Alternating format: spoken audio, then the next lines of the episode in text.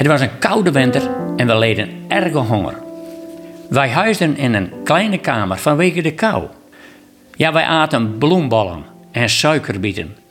35 gulden werd er betaald voor een broodje. Zodoende werden jonge kinderen uitgezonden naar Friesland. In maart, vlak voor de Pasen, vertrok ik vanaf Laakhaven met de boot naar Friesland.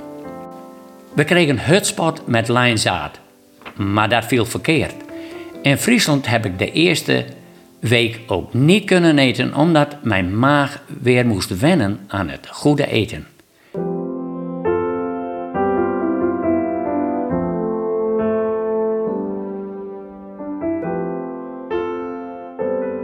Van Roosdongen begon het al eh, op 10 mei 1940. Toen kwamen de Kamerlanders hier. Dat ze onder water gezet worden. Dus die mensen moesten erbij. Dat waren de eerste. Toen kwamen er uit uh, Holland, die aan de kust ben, daar waren de Atlantic Ball uh, delzet voor de Duitsers. Moesten mensen voort. Dat was de tweede groep. Toen kwamen een heel soort zeeuwen.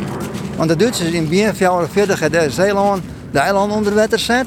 Die mensen kwamen deze uit. Dat waren het alweer boerenarbeiders, die, die kon je goed werk vinden. Want die jongelui die hier omstoten, die moesten dus uh, dwangarbeid verrichten in Duitsland of onderdoeken. Dus die kon je wel een plekje vinden. Toen kwamen de Arnhemmers.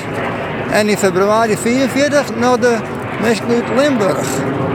Tussen de bleekneusjes, zeg maar, die kwamen in de vakanties. En in de hongerwinter de vluchtelingen uiteraard.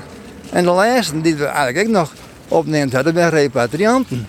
Dat waren dwangarbeiders in Duitsland, die we weer omkwamen, maar nog net naar Holland kon, die vonden direct onder dak. Dus er zijn een heel soort echt verschillende eigenlijk. Dus het is hier en hier een teruggang dat hield die mensen met verschillende achtergrond als evacuee hier in eh, de Dongerendeelen kwamen. Ja, dat wordt heel vaak net station, maar van oh, nou, begin 43 tot aan uh, augustus, september uh, 44 win je gewoon. De laatste, die ben in zo'n verder pas gaan. Dat zijn mensen die zitten op een heel bijzondere plek in het Bummerhuis, een eermhuis in Arnhem. In juni zo'n verder ben de laatste pas gaan. Naar Leeuwen, hè?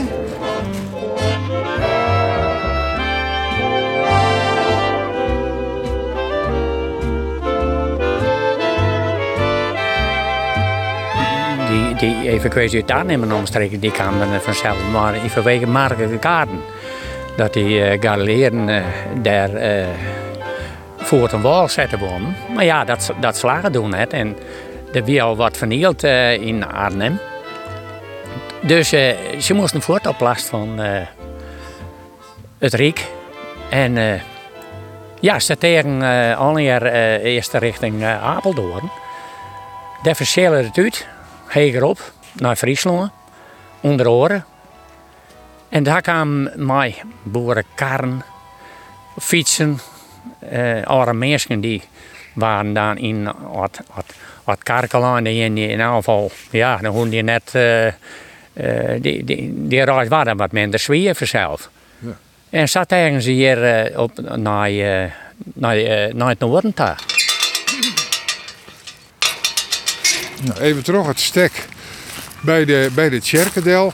Dit weer dus het centrale plak waar de evacuees eerst opvangen waren.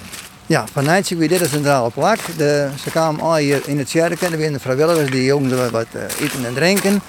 En dan gingen ze naar het lokaal, eerst even verderop. En daar waren ze al keur. Ik zou zeggen, keuren. Ja, die mensen, uh, net 40, die waren al een week acht onderwijs wat ze hier kwamen. Dus het eerste stukje naar Apeldoorn, dat weer dezelfde dag of twee dagen. Maar dan hebben ze wel zo'n week om te werken. Want ze dachten, nou we kunnen weer om naar een huis.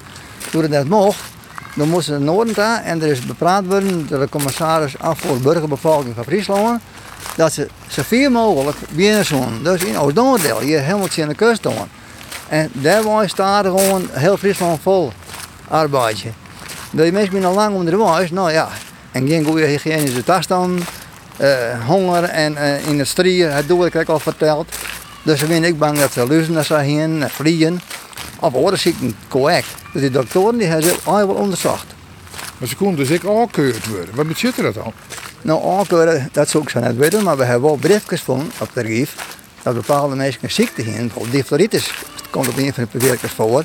En die dokter Sipkes van Dokkum, die het kut had, die is bij mij onder behandeling. Dus wat direct uh, wat aan die. Ja.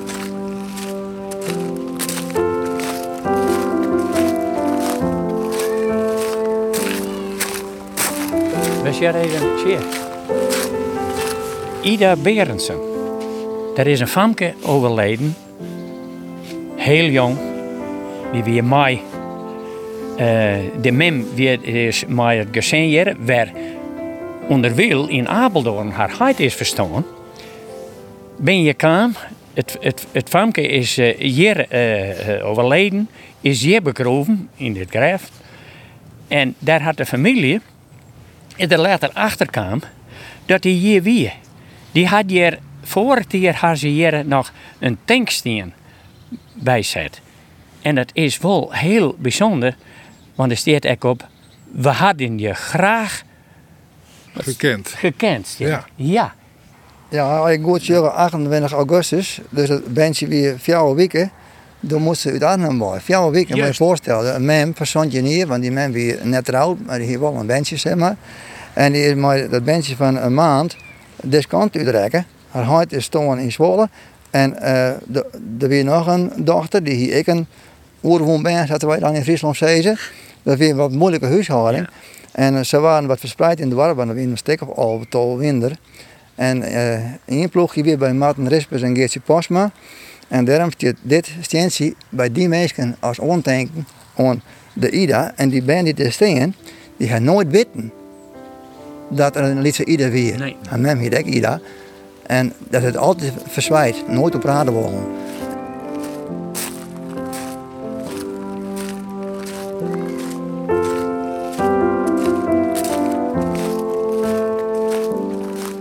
Ja, dat, dat verhaal van die evacuatie aan het eind van de oorlog in eh, Noord-Friesland. Kun je zeggen, ja, daar is eigenlijk nooit een soort oer praat en oer meer. Omdat we dat als Friesen heel gewoon voelen, om zat het wel. Ja, dat zou best de reserve kennen. Bij Friesen in elk geval hadden net volle o- o- loslaten. En de mensen zelfs, de evacuees echt net. Want we hebben vorige week sneeuw hebben wij in uh, de presentatie gehad. En er weer een zekere Marga uit de venster. Die weer een Iris 8 tot hier kwam. En die heeft haar verhaal verteld. Nou, ze is nu 82. Ze kwam naar voren daar, naar de microfoon. En ze was super emotioneel doet ze haar verhaal bij voorlees. Letterlijk als ik het mag gepraat. Ja, zei ze. Ik heb deze een veldje papier, heb ik al je opschreven. En dus oefen niet. Oefen niet om dat te presenteren hier bij hem. Ja. En ze zei alle keer op een einde was ik emotioneel. Maar ze zei, wie nou van tevoren nou. Want het kan al even boppen. Ze, eh, wij hebben het, ja, sabot net denk ik. Want het laat dus iets oors. Maar die mensen die het zelfs, dat al je onder de voet had, die reizen hierheen. En het verbleef hier in een vreemde om- omgeving, zeg maar. De taal weer vreemd, de gewoonten weer vreemd. Een huisje hebben ze nooit verjaard. Weer ik een man, Hans Bonnes, die weer het dominee trouwens. Kon ik praten en vertellen. Maar die zei, ja, een wc wie er net. Als je moest plassen, dan ging je naar de tuin. Er was een, een schotje, daar moest je tegenaan plassen. Vreemd vonden de mensen dat, hè?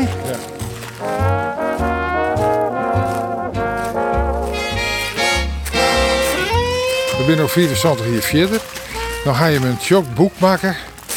Eh, ik geloof dat er 400 exemplaren van druk binnen. En vier weken drukste pad is al voort. Hij daar een verklaring voor dat mensen dat al die nou wel lezen willen, witte willen. Nou ja, als je bij het in elk geval benaderen. Hè? Als ik vraag als het boek heb je.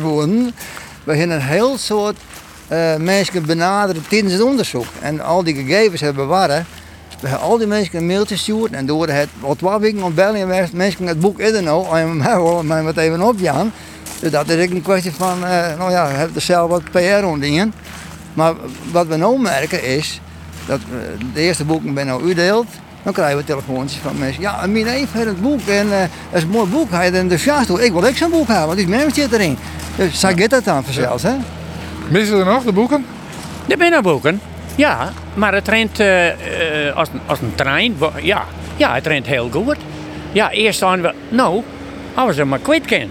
Nou was het een beetje van, nou, we moeten al zien of we genoeg horen. Want er zijn eh, nog mensen die, het, eh, uh, gewoon besteld had. Dus daar moeten we wel om denken dat we daar offer hadden om op te sturen. Dat moet nog naar verschillende instanties. Bibliotheek, dus daar moeten we wat van achter, achteruit houden. Uh, en zelf natuurlijk, maar we zelf net vergeten. Maar het rent goed.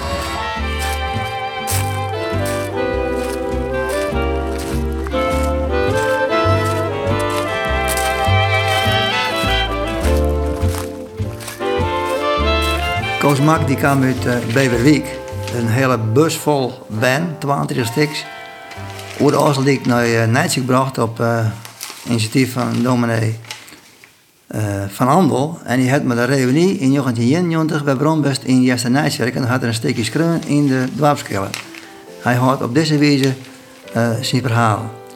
Er wordt tegenwoordig veel over solidariteit gesproken, maar toen in Oosternijkerk was ten aanzien van ons sprake van echte solidariteit, van saamhorigheid met diegenen die in Holland buiten hun schuld in moeilijkheden waren geraakt. Een solidariteit gebaseerd op naastenliefde en opofferingsgezindheid.